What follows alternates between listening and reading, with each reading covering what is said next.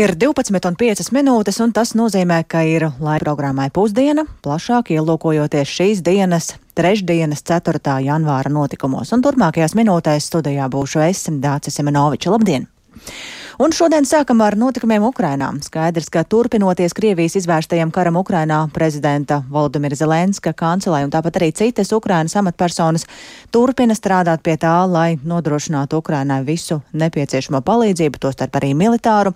Un tas ir ļoti būtiski, jo izskan arī ziņas gan par nākamo Krievijas masveida raķešu triecienu plānošanu, gan to, ka Krievijā atkal varētu tikt izsludināta mobilizācija. Un sīkāk notiekošajā Ukrainā ir iedziļinājies viesojās kolēģis Rihards Plūme, kurš man šobrīd pievienojas studijā. Sveiks, Rihard! Jā, labdien! Kara darbība Ukrainā nerimst, joprojām notiek arī Krievijas raķešu un dronu uzbrukumi. Ukrainas izlūkošanas informācija liecina, ka Krievija gatavojas jau nākamajam masveida raķešu uzbrukumam. Kā Ukrainai sokas ar Rietumvalstu militārās palīdzības nodrošināšanu? Jā, un uh, nesen arī parādījušās ziņas, ka šis te nākamais uh, masveida raķešu uzbrukums uh, varētu iespējams notikt pareizticīgo Ziemassvētku laikā Ukrainā. Un darbs pie šīs palīdzības nodrošināšanas no Ukrainas puses tiešām noteikti nemitīgi. Ukrainas prezidents Valdimirs Zelenskis arī vakar sarunājies ar vairākiem valstu līderiem, apspriežot pašreizējo situāciju un to, kas Ukrainai nepieciešams un kā to nodrošināt.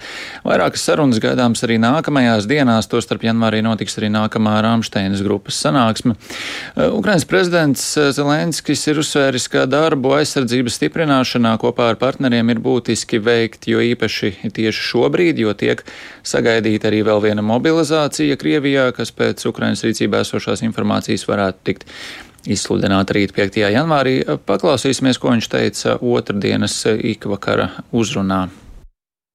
Ми почали цей рік одразу з того, що найбільше необхідне Україні саме зараз. Напередодні тих нових Teroristiskā valsts gatavo jaunu mobilizācijas procesu, un tā priekšvakarā šo gadu mēs sākām ar to, kas Ukrainai šobrīd ir visvairāk vajadzīgs. Tagad ir tas brīdis, kad mums kopā ar partneriem ir jāstiprina aizsardzība. Mums nav šaubu, ka pašreizējie Krievijas vadītāji metīs karā visu, kas viņiem palicis, un visus, ko vien varēs, lai mēģinātu pagriezt kara gaitu un vismaz atliktu savu sakāvi. Mums ir jāizjauc šis Krievijas scenārijs. Mēs tam gatavojamies. Teroristiem ir jāzaudē. Jebkuram mēģinājumam viņu jaunajā ofensīvā ir jāizgāžas. Krievija mobilizē tos, kurus tā vēlas mest nāvē. Mēs mobilizējam civilizēto pasauli dzīvības dēļ. Civilizētais svīt, zarādi žitja. Un kāda situācija ir šobrīd frontē? Cik noprotams, tad vissmagākā joprojām pie Bahmutas?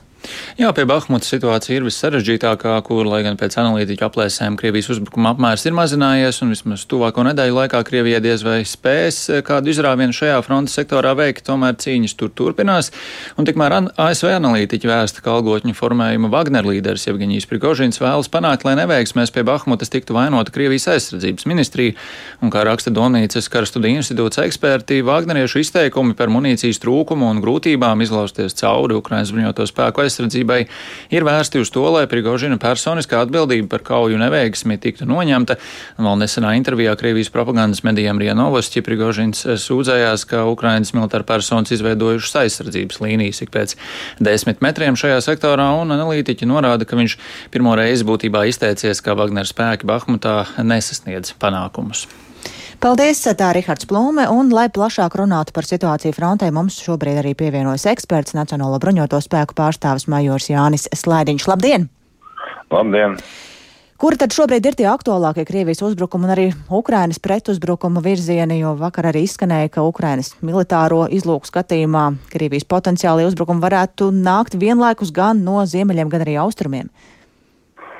Nu, jā, mēs runājam par tagadējo situāciju, tad, protams, laika apstākļi būtiski ir ietekmējuši uh, kara darbību, jo ir dubļu periods uh, visā aktīvākajā frontes sektorā, kur notiek kaujas, tātad no uh, centrālajā daļā ap Bahmutu, tāpat tā ziemeļa austrumos un tālāk ap Doņetsku. Tā kā jāgaida, ka noteikti iestāsies noturīgāk laika apstākļi, savsta kara darbība kļūs daudz aktīvāk. Bet, ja mēs runājam par nākotnes perspektīvām, tad visticamāk, ka tiks pieredzēts vēl viena liela kauja par Ukrainu, un par to liecina, protams, Krievijas bruņoto spēku pārdislokācija no dienvidiem, no Hersona Zaporiži uz fronts centrālo daļu Donbasu. Tāpat zināms, ka aktīvi Krievijā notiek mobilizācija, tāpat mobilizēto apmācību. No tālajiem austrumiem Krievijas spēki pārmet kaujas tehniku, kaujās viņi vēl nav iesaistījusies taisn no šī apgabala. Uh, tā kā Krievija koncentrē spēkus un, uh, protams, jautājums, kad Ukraiņi minēja trīs iespējamos mēnešus, tas ir janvāris, uh, februāris vai marts. Bet daudz kas būs atkarīgs, protams, no laika apstākļiem, kādi valdīs Ukrainā šajā mēnesī. Krievi jau vienreiz uzkāpa uz grābekļiem, kā saka, sākot militāru operāciju februārī, ja, kas nu, nav atbilstoši manevru karam, manevru vienību izvēršanām. Nu, un, protams, martā noteikti tā situācija vēl būs tikpat sarežģīta. Bet janvārs iestāsies savs, protams, var runāt, kad Krievija varētu sākt veikt kādu ofensīvu. Jā, paldies. Mēs dzirdējām Nacionālo bruņoto spēku pārstāvi majoru Jānis Laidiņu.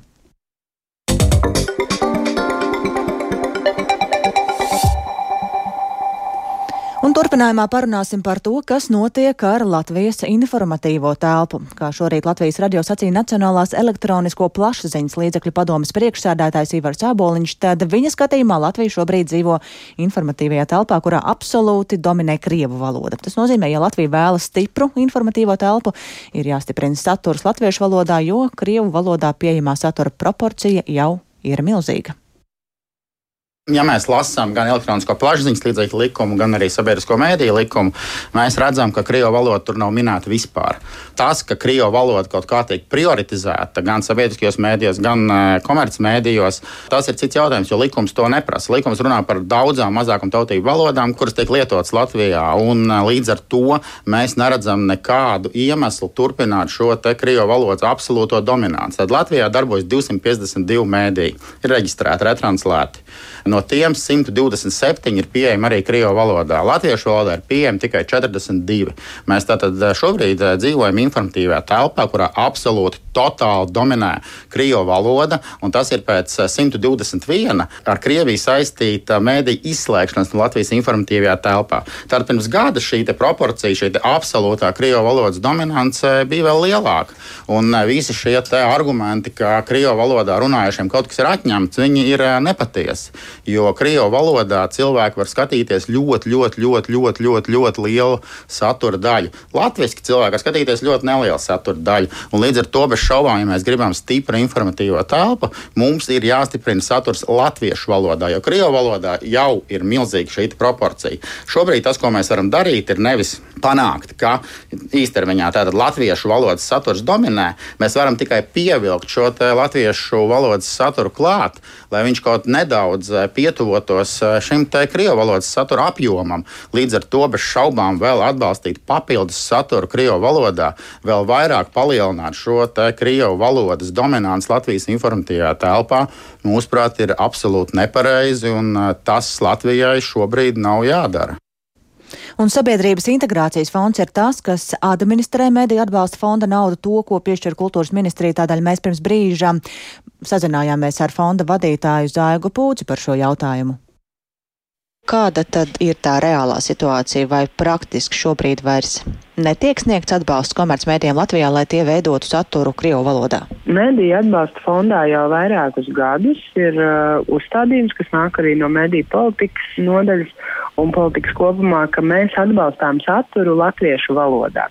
Respektīvi, mēdī, kas uh, raida vai raksta Krievu valodā, var konkursā pieteikties, bet uh, tas, ko viņi var pieteikt, ir satura radīšana latviešu valodā. Vai viņi var pieteikties arī konkursā, lai radītu saturu Krievu valodā? Parastajā mediju atbalsta fonda konkursā nē, bet mēdz būt situācijas, kad uh, tiek pieņemti izņēmumi.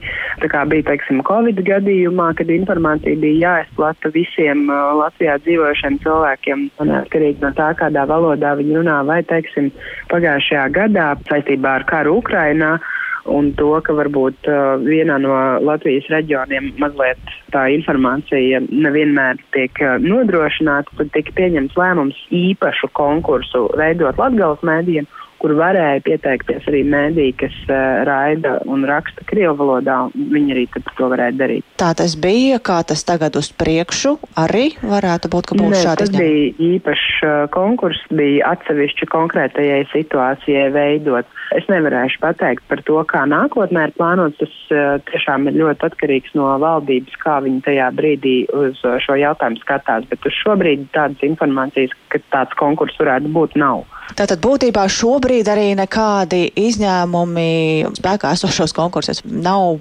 paredzēti, un šobrīd nav tā, ka, piemēram, Krievu mediji varētu pieteikties, lai radītu saturu Krievu valodā, es pareizi saprotu. Jā, šobrīd var gūt atbalstu tikai satura veidošanai latviešu valodā. Un mums ir iespēja uzklausīt arī eksperta no malas. Pirms pavisam īsa brīža sazinājos ar Rīgas Stradiņa Universitātes komunikācijas fakultātes vadošo pētnieku Jāni Juzefoviču. Tātad redzam, ka valsts politika ir skaidra. Ko tas nozīmē? Vai krievalodīgā auditorija varētu arvien mazāk uzzināt par šiem vietējas nozīmes jautājumiem, vai arī par to pašu kāru Ukrainā? Nu, ja es pareizi saprotu, kad uh, nav plānots uh, samazināt finansējumu saturam Krievu valodā, bet nedot vairāk finansējumu nekā tas ir jau tagad, uh, nu, tagad vismaz esošajā apjomā saturam Krievu valodā būtu jābūt pieejamam arī turpmāk. Līdz ar to es neredzu tur šāda veida riskus, ka samazinātos iespējas saņemt informāciju Krievu valodā. Bet kā Krievu valodīga auditorijas to varētu reaģēt? Vai tas nozīmē, ka tiešām tiks sasniegts mērķis un vairāk šī auditorija patērēs saturu latviešu valodā, vai arī tomēr paliks pie krievu valodas, bet nu, lokālo saturu patērēs mazāk? Šeit ir jāņem vērā, ka Latvijas krievulodīgo iedzīvotāju tie mēdīju lietošanas paradumi, proti izvēle par labu informācijas iegūšanai tajā valodā, kādu lieto ģimenē, šie paradumi ir veidojušies ilgākā laikā un nav pamata domāt, ka tie varētu tuvākajā laikā kaut kā strauji būtiski mainīties. Daudz gadu garumā veiktajos auditorijas pētījumos tas, ko mēs redzam, ir, ka Latvijas krievlodīgajiem ir liela interese par Latvijā veidotu saturu, bet viņi dod priekšroku saturam Krievu valodā, un nekas neliecina, ka šī tendence varētu tuvākajā laikā mainīties. Tāpēc būtu svarīgi arī turpmāk attīstīt Latvijā ražotu, kvalitatīvu, uzticamu saturu Krievu valodā, gan sabiedriskajos mēdījos, gan arī komercmēdījos. Proti, ja nepalielināt šo satura daudzumu, tad vismaz nesamazināt. Jā, nu vismaz noturēt tajā esošajā līmenī. Tik tālu pētnieks Jānis Juzefovičs un runājām par Latvijas informācijas telpu.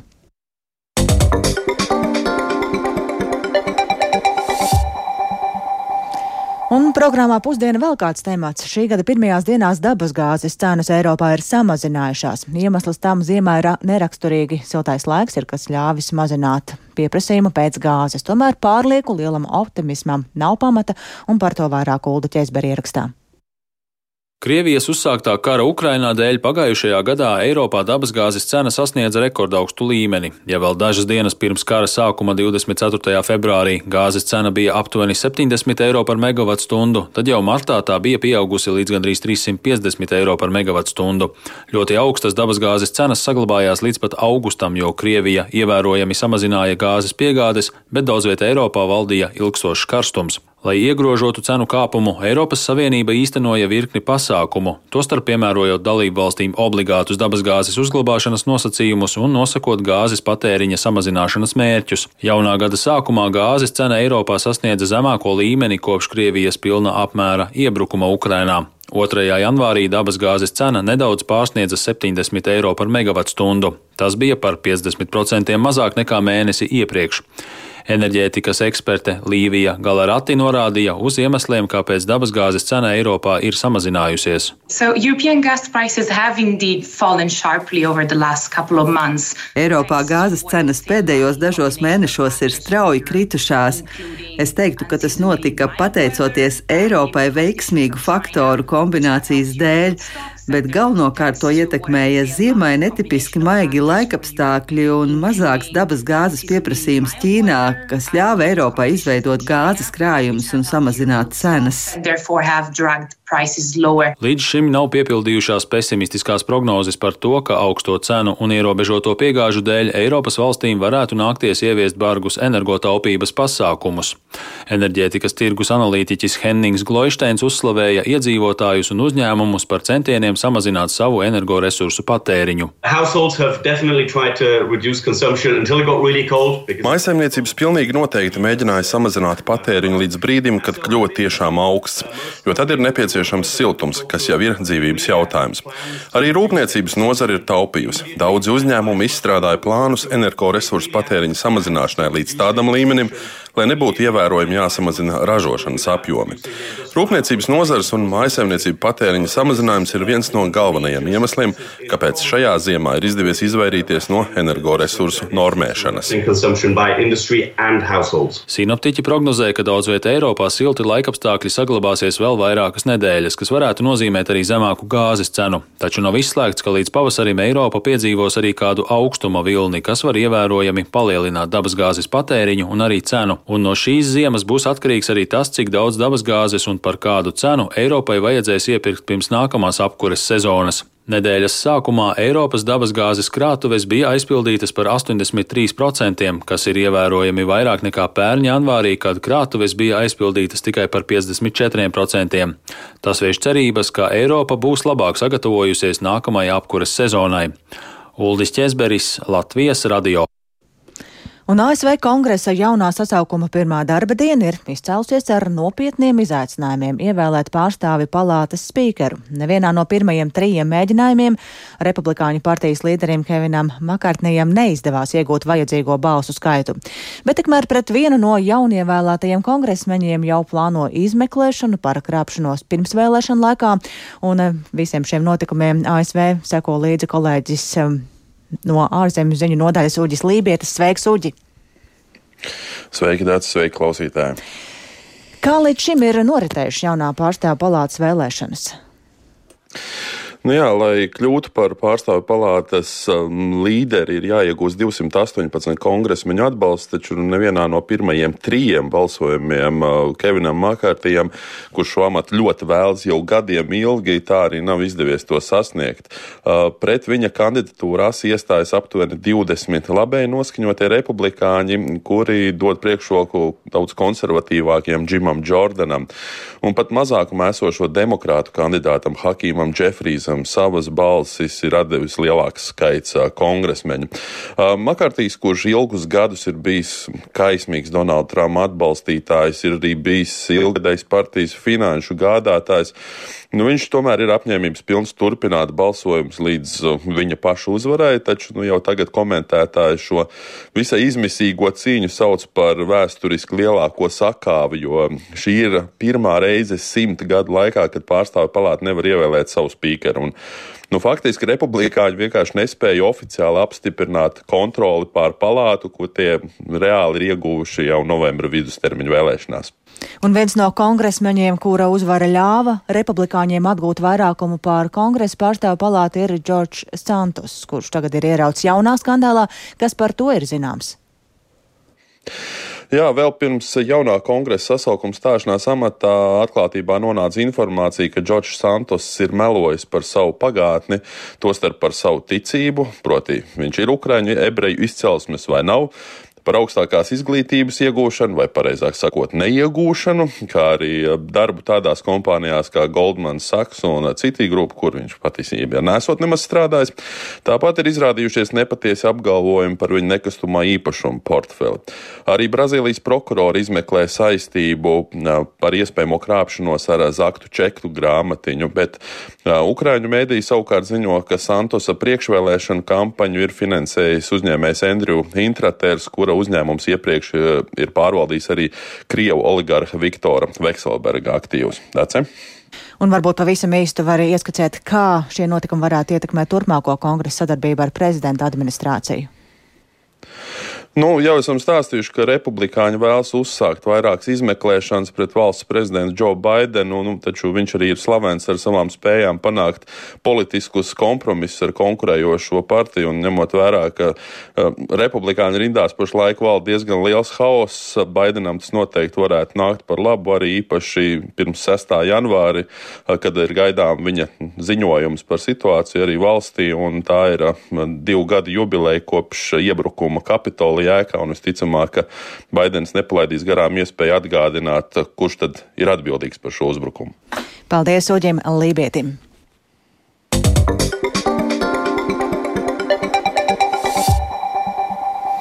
Un šis ir laiks, kad slimotāji netrūkst, gripas un citu vīrusu izraisītas slimības skar tik daudzus, kā aptiekās veidojas pacientu rindas, un kas vēl būtiskāk sāk trūkt atsevišķu zāļu.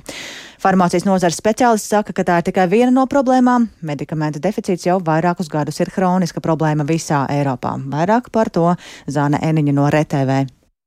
Aptiekās rindas, bet ierastos vai ārsta izrakstītos medikamentus farmacētiem nereti nāks aizvietot ar citiem, jo vajadzīgo zāļu vairs nav. Stāsta Eiro aptiekas farmacēta Sandra Balode. Skumīgākais ir tas, ja nav recepšu medikamentu, ko aizvietot, tad gan ir diezgan nu, tā. Tad ir jāmeklē varianti, ja ir ko meklēt. Par zāļu trūkumu liecina arī Latvijas zāļu reģistra dati. Nav, piemēram, noteiktu plaši lietotu antibiotiku un temperatūru pazeminošu līdzekļu. Zāļu valsts aģentūra informē, ka ir brīži, kad pieprasījums pārsniedz piegāžu apjomu. Savukārt zāļu vairumtirgotāji norāda, šī problēma pastāv jau vairākus gadus. Turpina Latvijas Nacionālās zāļu apgādes asociācijas valdes loceklis Jānis Lībķens. Gadu no gada ir kaut kādas zāļu grupas, kuras periodiski mēdz nebūt. Un tie skaidrojumi tur var būt visdažādākie, sākot no tā, ka ražotājiem tur rūpnīca ir remontā, vai arī, teiksim, nav uh, saplānotas vai nav laicīgi atvestas izēvielu. Izēvielu deficīts veidojas dažādu iemeslu dēļ. To veicinājusi gan Covid pandēmija, gan karš Ukrainā un sankcijas pret Krieviju. Šo un citu faktoru ietekmē gan izjukuši agrākie izēvielu piegādes ceļi, gan trūkst, piemēram, papīra zāļu iepakošanai. Tas ietekmē arī farmaceitiskos uzņēmumus Latvijā, saka Latvijas patentu brīvo medikamentu asociācijas valdes priekšsēdētājs Egils Enārs Jurševits. Ja mēs runājam tieši par mūsu vietējiem ražotājiem, runājot ar Olaini indeksā, tā mums varbūt tā problēma nav tik liela, jo, teiksim, Latvijā mūsu piegādes lieltirgotājs ir piegādāts ar zālēm Bet mēs aizņemam tikai kaut kur 4% no zāļu tirgus. Tas jāņem vērā, jo, jo mēs neesam tādi nu, milzīgi, ka varam piegādāt pilnībā visu, ko mūsu patērētājiem nepieciešams. Bet mums nav tik milzīgas tās problēmas, bet arī atzīmē to, ka šis laiks atsevišķām izēvielām pagarinās un dažkārt pat stipri pagarinās. Liela daļa problēmu saistīts ar to, ka izēvielu ražošanu daudzi Eiropas farmaceitiskie uzņēmumi pārcēluši uz Ķīnu un Indiju, kur tas izmaksā lētāk. Lai mazinātu zāļu deficītu, Eiropas parlaments jau pirms pāris gadiem pat mudinājis atsākt ražot zāļu sastāvdaļas tepat Eiropā. Tomēr Egils Ēnārs Jurševits par to izsakās skeptiski. Tuvākā laikā es to problēmas risinājumu, ka mēs varētu kaut kādu lielu daļu pārņemt no Ķīnas un Indijas un tos izēvielas ražot, tad ir ļoti daudz faktoru. Pirmkārt, jau vidas faktors. Un cik tas neizmaksās mums, cik tās izēvielas būs konkurētspējīgas. Nozares pārstāvji min, ka konkrētu zāļu trūkums pašlaik asāk izjūtams, jo slimo daudz bērnu, un uz bērnu problēmām sabiedrība reaģē jutīgāk. Taču deficīts parasti esot īslaicīgs, mierina Latvijas farmaceitiskās aprūpes asociācijas izpildu direktore Kristīna Jučkoviča. Tiešām var būt, ka jūsu iemīļotais, eh, piemēram, medikaments kādu brīdi kādā konkrētā aptiekā nav, bet pēc tam pēc īsa brīža tas arī parādās. Tāpēc nekādas īpašas eh, vajadzības nav un vispār nekad nekad neiesakām iepirkt medikamentus ļoti ilgu uz priekšu, drīzāk iesakām sekot līdzi norādījumiem, kādi no valsts puses nāk. Tikmēr Eiropas parlamenta informācija liecina, ka saspīlējums zāļu apgādē pastāv jau vismaz 25 gadus. Aprēķināts, ka no 2000. līdz 2018. gadam medikamentu deficīts Eiropas Savienībā palielinājies 20 reižu. Sižets veidots pēc Latvijas radio pasūtījuma Zana Eniņa RTV. Un skaidrot un analizēt šo tēmu mēs turpināsim šodien programmā pēcpusdiena, bet šobrīd izskan ziņu dienesta veidotā programma Pusdiena. Producents Kārlis Dagilis ierakstus montēja Renārs Šteimanis, par labskaņu rūpējās Katrīna Bramberga un ar jums sarunājās Dācis Semenovičs. Sekojiet mums līdzi arī sociālajos tīklos un sabiedrisko mediju ziņu portālā LSM LV.